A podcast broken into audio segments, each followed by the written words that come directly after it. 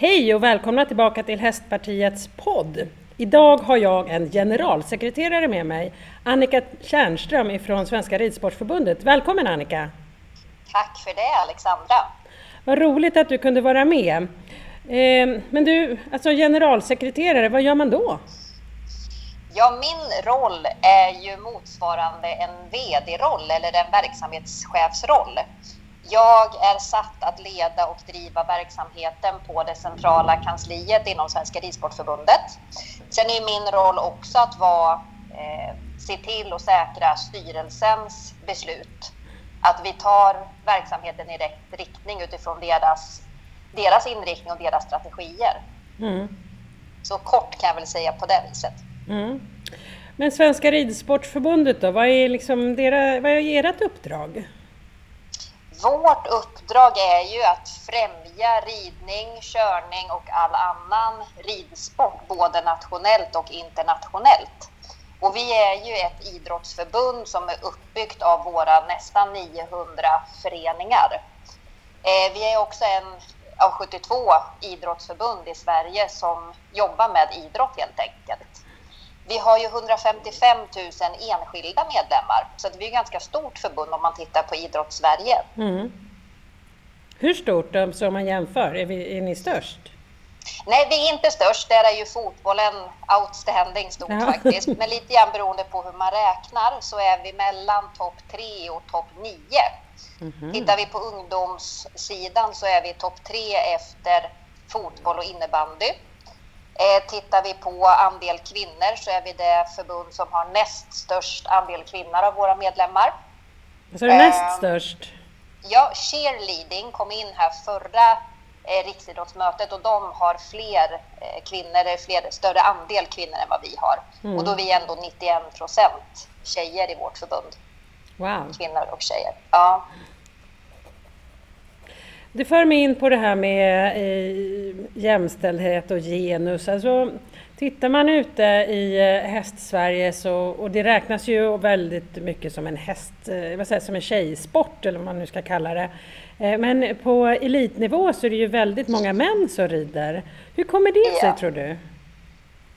Alltså det finns så många aspekter i den här frågan och jag tänker att vår historia är väldigt intressant i det här. Vi har ju gått från att vara en militär, manligt dominerad rörelse till att på hundra år bli en kvinnligt dominerad idrott faktiskt. Mm. Eh, och jag tänker att det finns både strukturella och samhällsmässiga skäl till att det ser ut som det gör. Eh, vi har ju kommit in i den här idrottsrörelsen, vi har attraherat eh, tjejer och kvinnor, vilket gör att också det finns många kvinnliga förebilder som gör att fler kvinnor eh, vill vara med och rida. Samtidigt som vi har det här på elitnivå där vi har främst faktiskt manliga förebilder idag, så har vi många fina kvinnliga förebilder också. Mm. Men det här är en utveckling som har skett under den här perioden och den, det här har till och med varit forskning kring där det inte finns några riktigt entydiga svar till varför det ser ut som det gör. Mm. Och någonting som vi funderar mycket på, hur kan vi vara en idrott eh, som attraherar alla? För vi har ju verkligen en fantastisk möjlighet att ta hand om både kvinnor och män i vår idrott, unga som gamla. Där det ju faktiskt ridsporten är en av få idrotter där du kan tävla på elitnivå när du till och med har passerat 60-årsstrecket till exempel. Mm. Så att det är någonting som vi jobbar hårt med. Hur kan vi fortsätta utvecklas för att bli en idrott som attraherar alla oavsett både bakgrund och kön och ålder? Men du, är det verkligen exakt lika regler för kvinnor och män när man tävlar eh, inom ridsporten? Ja, det är exakt lika regler. Det är fantastiskt. Jag får ofta, ja, och vi är ju den enda olympiska idrotten som har det på det viset, där män och kvinnor tävlar på exakt lika villkor. Och jag får ofta, eller inte ofta, men jag får frågan att hur ser ert damlandslag ut? Eller hur ser ert herrlandslag ut? Och vi har ju faktiskt bara ett enda landslag, eller vi har många landslag, men vi har ett landslag per disciplin och mm. åldersgruppering. Och där är man för att man just nu är den, det ekipage som har bästa möjlighet att ta en medalj. Oavsett om du är kvinna eller man.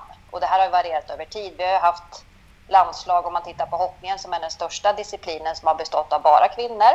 Vi har landslag som har bestått bara av män och nu har vi en, en mix mellan eh, kvinnor och män som eh, aspirerar på en plats i vårt landslag i hoppning. Mm. Främt. Så det är fantastiskt att ha den Ja, men visst är det det, mm. verkligen. Mm. Men du Annika, vem är du då? Är du hästtjej själv? Ja, men jag är ju hästtjej från grund och botten. Jag har mina rötter i Östergötland och började rida på Åtvidabergs ridskola när jag var sex år gammal. Sen fick jag min första egna häst när jag var tio år eh, och sen har jag haft häst fram till jag blev 35 och idag 48 år så att jag har varit utan egen häst eh, ja, 13 år nu då. Och det beror på både krävande jobb och sen två barn som kom in i bilden så att jag har svårt att få ihop tiden med det. Men jag har mycket häst fortfarande runt omkring mig. Jag har en syster som har häst, jag har vänner som har hästar så att jag kan rida och lyxa och vara i stallet när jag har den möjligheten, vilket är otroligt uppskattat. Gud vad skönt! Ja, och du vet den här miljön när man kommer in i ett stall, som säkert för dig också, att det finns ingen miljö som gör mig både så lugn och energisk på en gång. Och den kombinationen tycker jag är helt oslagbar verkligen. Mm. Och jag ska åka och rida här nu på söndag, så jag längtar. Idag är det fredag, så det är bara två dagar kvar innan jag får komma till stallet igen och bara hänga med goda vänner och hästar och rida och ha det gott. Mm. Ja, men jag förstår verkligen. Min dotter brukar fråga mig så här, men hur kan du tycka att det är kul att mocka? Ja. kul och kul, men det är ganska skönt. Det är som en meditation kan jag tycka, att man liksom Nej, men när man kommer in i stallet så, så, försvinner alla andra tankar som man inte vill ha där, utan man får ju fullt fokus på det man gör och den miljön är ju som ja, meditativ verkligen. Och de sysslor som inte bara handlar om att rida är också fantastiska verkligen.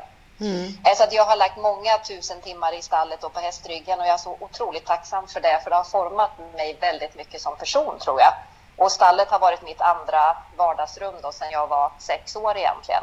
Och jag har också haft förmånen att få ja, jobba med hästar ett år. Jag har tävlat på amatörnivå med både hoppning, dressyr och fälttävlan. Så det har gett mig otroligt mycket.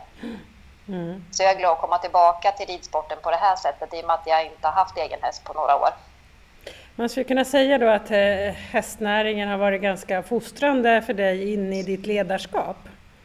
Verkligen. Är det jag någonting som... Oh, förlåt. Förebild. Nej, jag tänker att jag har både förebilder och fått träna mig i ledarskap sedan jag var ganska liten egentligen, eftersom jag kom in i den här miljön redan när jag var sex år. Och jag har en stora syster som är några år äldre som också alltid har varit i, i stallet och haft häst och hästar. Så att jag har verkligen fått eh, ta del av det här fina som jag häst, hästar och ridsporten erbjuder. Mm. Du har ju en ganska hög position nu då. Eh, när du träffar andra kvinnor i höga positioner, är det vanligt att de också kommer ifrån stallet? Ja, det är ju det är vanligare än vad man kan tro först, men det, det, finns ju också forskning kring det här att stallet är en väldigt bra ledarskapsskola där man får med sig många egenskaper. Mm. Eh, jag tänker på ansvarstagande, du får en kommunikativt ledarskap, du har med dig från stallet där du inte kan peka med hela handen bara, utan det handlar om att lyssna in och få en häst på 600 kilo att göra det du vill med ganska små hjälpmedel egentligen. Mm. Och det är väl någonting som jag tycker att jag verkligen har lärt mig det här med ansvarstagande, disciplin. Eh, man är van att hugga i och kavla upp ärmarna på ett sätt som jag återigen är jättetacksam för att jag har fått med mig. Mm. Men också den här lyhördheten att lyssna in de som finns runt omkring en. Mm. Du, jag tänkte passa på att fråga dig nu eh, något som är väldigt aktuellt. Jag eh, debatterade ju förra veckan med idrotts och kulturministern gällande det här med tävlingar för även ungdomar som är äldre än 15 år. Eh, det är ju någonting som eh, ni också har varit i dialog med regeringen och så vidare. Hur resonerar ni kring eh, det här? Jag tänker det är ju ändå enklare att hålla avstånd med en häst emellan sig än när man går och handlar. Ja. Nej, men det här är ju en fråga som vi driver och som vi för fram synpunkter kring att i vår idrott så har vi en hästlängds avstånd inbyggt alltid i vår verksamhet. Vi är också vana att hantera det här med smitta i och med att vi har till och från smittspridning bland våra hästar som vi får ta hänsyn till. Mm. Så att den här frågan med tävling, träning är någonting som det sista året har upptagit jättemycket av vår tid, kraft och energi.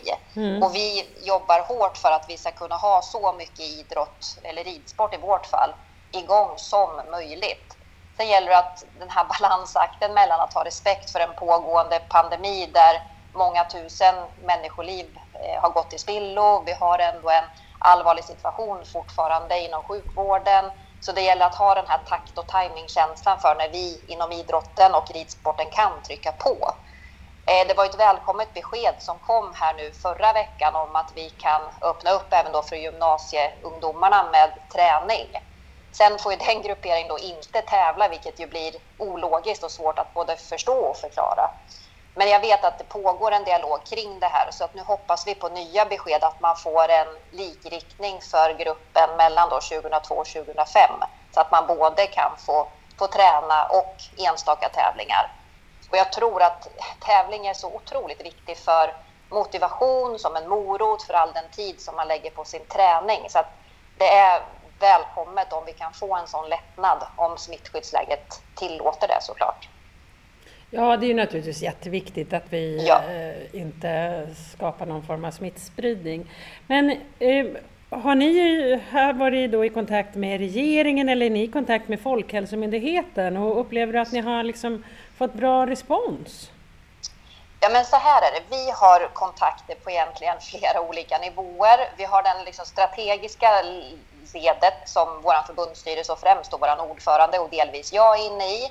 Sen har vi vår förbundsläkare på en mer operativ nivå som också har kontakter med Folkhälsomyndigheten, med Smittskyddsläkarföreningen, med enskilda regioner, med enskilda kommuner när det har behövts.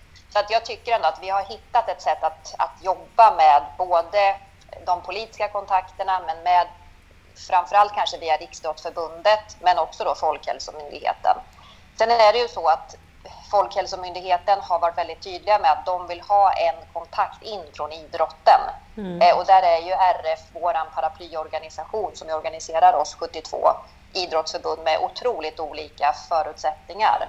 Och det vi har drivit gentemot dem är just den här differentiering av idrotter. Vi måste titta på de olika förutsättningar som finns för att kunna utöva.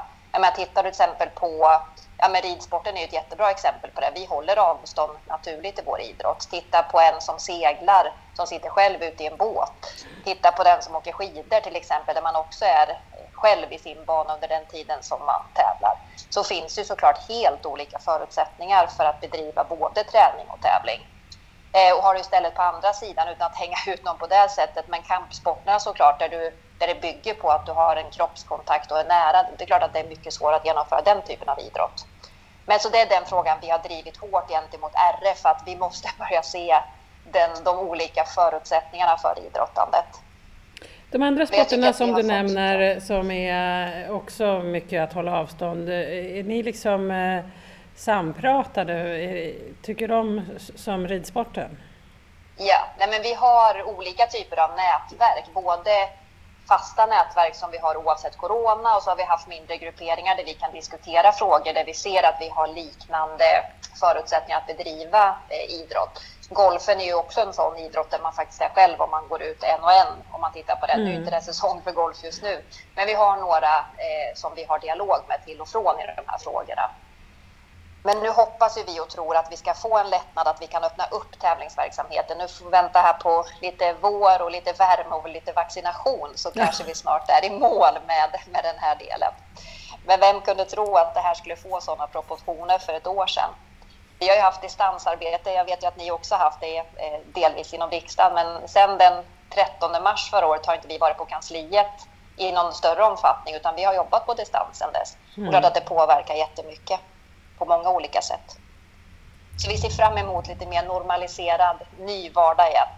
Jag förstår det, men det var roligt att du sa det. Jag gillar ju sådana här tre saker där. Vår, värme, vaccination. Tre V. Jajamensan, tre V, ja precis. Vår, värme och vaccination, det längtar vi efter. Ja, det tror jag att det är många som gör. Men jag måste ställa en fråga. Jag såg häromdagen att eh, det var en ridklubb som skulle anordna en pay and ride. Får man göra det? Ja, men man får genomföra verksamhet utifrån att man har genomfört en riskbedömning och mm. det här har vi varit tydliga med hela tiden och där finns ju all information och mer därtill på vår hemsida hur man gör den i detalj och vilka eh, hänsyn man behöver ta. Eh, det har ju blivit allt mer komplext. Vi har både en pandemilag som styr hur många man får vara per, per kvadratmeter. Vi har en eh förordningar, föreskrifter, allmänna råd som styr på andra delar, till exempel det här med max 8. Så det gäller att hålla tungan rätt i munnen och försöka säkerställa att alla de här olika delarna eh, uppfylls. Mm. Men det finns bra checklistor på vår hemsida och vi har den här riskbedömningen från Folkhälsomyndigheten som grund för det. Så att man får genomföra det när man har gjort riskbedömning och sett att det är möjligt. Fantastiskt! Ja, då får vi hoppas att det kanske i alla fall några sådana som smyger igång. Jag tänker där behöver man ja. inte alltid vara så många på samma ställe samtidigt. Nej, men precis. Man får hitta lite andra sätt tror jag. Och vi har ju ändå vi har ju kunnat hålla vår ridskoleverksamhet igång under den här perioden, vilket har varit oerhört viktigt av flera olika anledningar. Och det första och största skälet är ju våra hästar. Mm. De kräver ju sin tillsyn, sin motion och den skulle inte kunna upprätthållas om vi inte hade verksamheten igång. Så att den har varit jätteviktig för oss att vi har lyckats med den, även om den har krävt anpassningar. Sen är tävlingsverksamheten också oerhört viktig, så att det är två parallella spår. Mm. Men just med hästens välfärd i fokus, eh, att få till det. Mm. Du, jag fick precis en eh, fråga här idag, huruvida, eller idag så får man ju inte när man transporterar en häst till exempel då eh, köra i bussfilen. Men att det kanske vore en fiffig idé om det är köer, det har skett en olycka, det är varmt ute. Är det något som eh, har nått dig tidigare? Nej, jag har inte hört den frågan innan och då fick jag upp en sån här bild du vet som är gammal där man kunde skra eller om det var någon som vann på vad var det för någonting? Var det Trisslotto eller Lotto eller något sånt där som man kunde ha en bussefil istället ja. för en bussfil? Du vet den där reklamen där. Nej, men jag, jag tänker att när vi sätter hästen i första rummet, vilket vi ju alltid gör, så är väl den alldeles utmärkt idé att undersöka vilka konsekvenser det kan få. Och jag är nog inte kvinna nog att, att göra den konsekvensanalysen just här och nu, men en absolut intressant infallsvinkel på transporter och hästens välfärd. Mm, mm. Ja, jag tycker också det är spännande. Jag ska ta den vidare. Men du, nu vet jag att du snart ska vidare i nästa möte.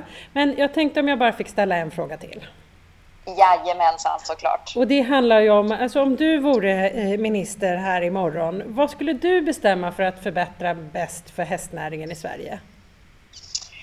Då så skulle jag driva frågan och fatta beslut om trygga, säkra och ändamålsenliga anläggningar för ridsporten och alla andra idrotter. Men där har ju vi sett att våra anläggningar inte håller samma funktion som många andra eh, anläggningar gör. Jaha. Sen förstår jag att det inte är kanske bara en rikspolitisk fråga som den ligger mycket på kommunerna. Men vi har ju fortfarande anläggningar där vi har faktiskt utedass och utan omklädningsrum. Ja. Och jag tror att det är få som skulle skjutsa sin dotter eller son till en fotbollsträning och säga att det är bra om du är ombytt innan och sen så får du kissa här på utedasset för vi har tyvärr ingen annan möjlighet eller en hockeyträning. Så att den skulle jag driva stenhårt. Bra idé, jag tar med mig den ut till Kommunsverige också, att de får se till Jajamensan. att kolla det på det. ser jag fram emot. Bra, men Annika, då tackar jag stort tack för idag och jag önskar dig en trevlig helg och en fantastisk ridning i helgen. Jag ser fram emot den och längtar. Det är liksom höjden, höjdpunkten i helgen. Så jag hoppas att du också får lite häst i ditt liv, Alexandra, här till helgen. Det lär det ju bli när man är en KBB, kör, bär, betalar. Jajamensan, men det är inte det sämsta. Verkligen inte. Och till er som lyssnar så önskar vi er också en trevlig helg och eh, på återseende i nästa vecka. Tune in!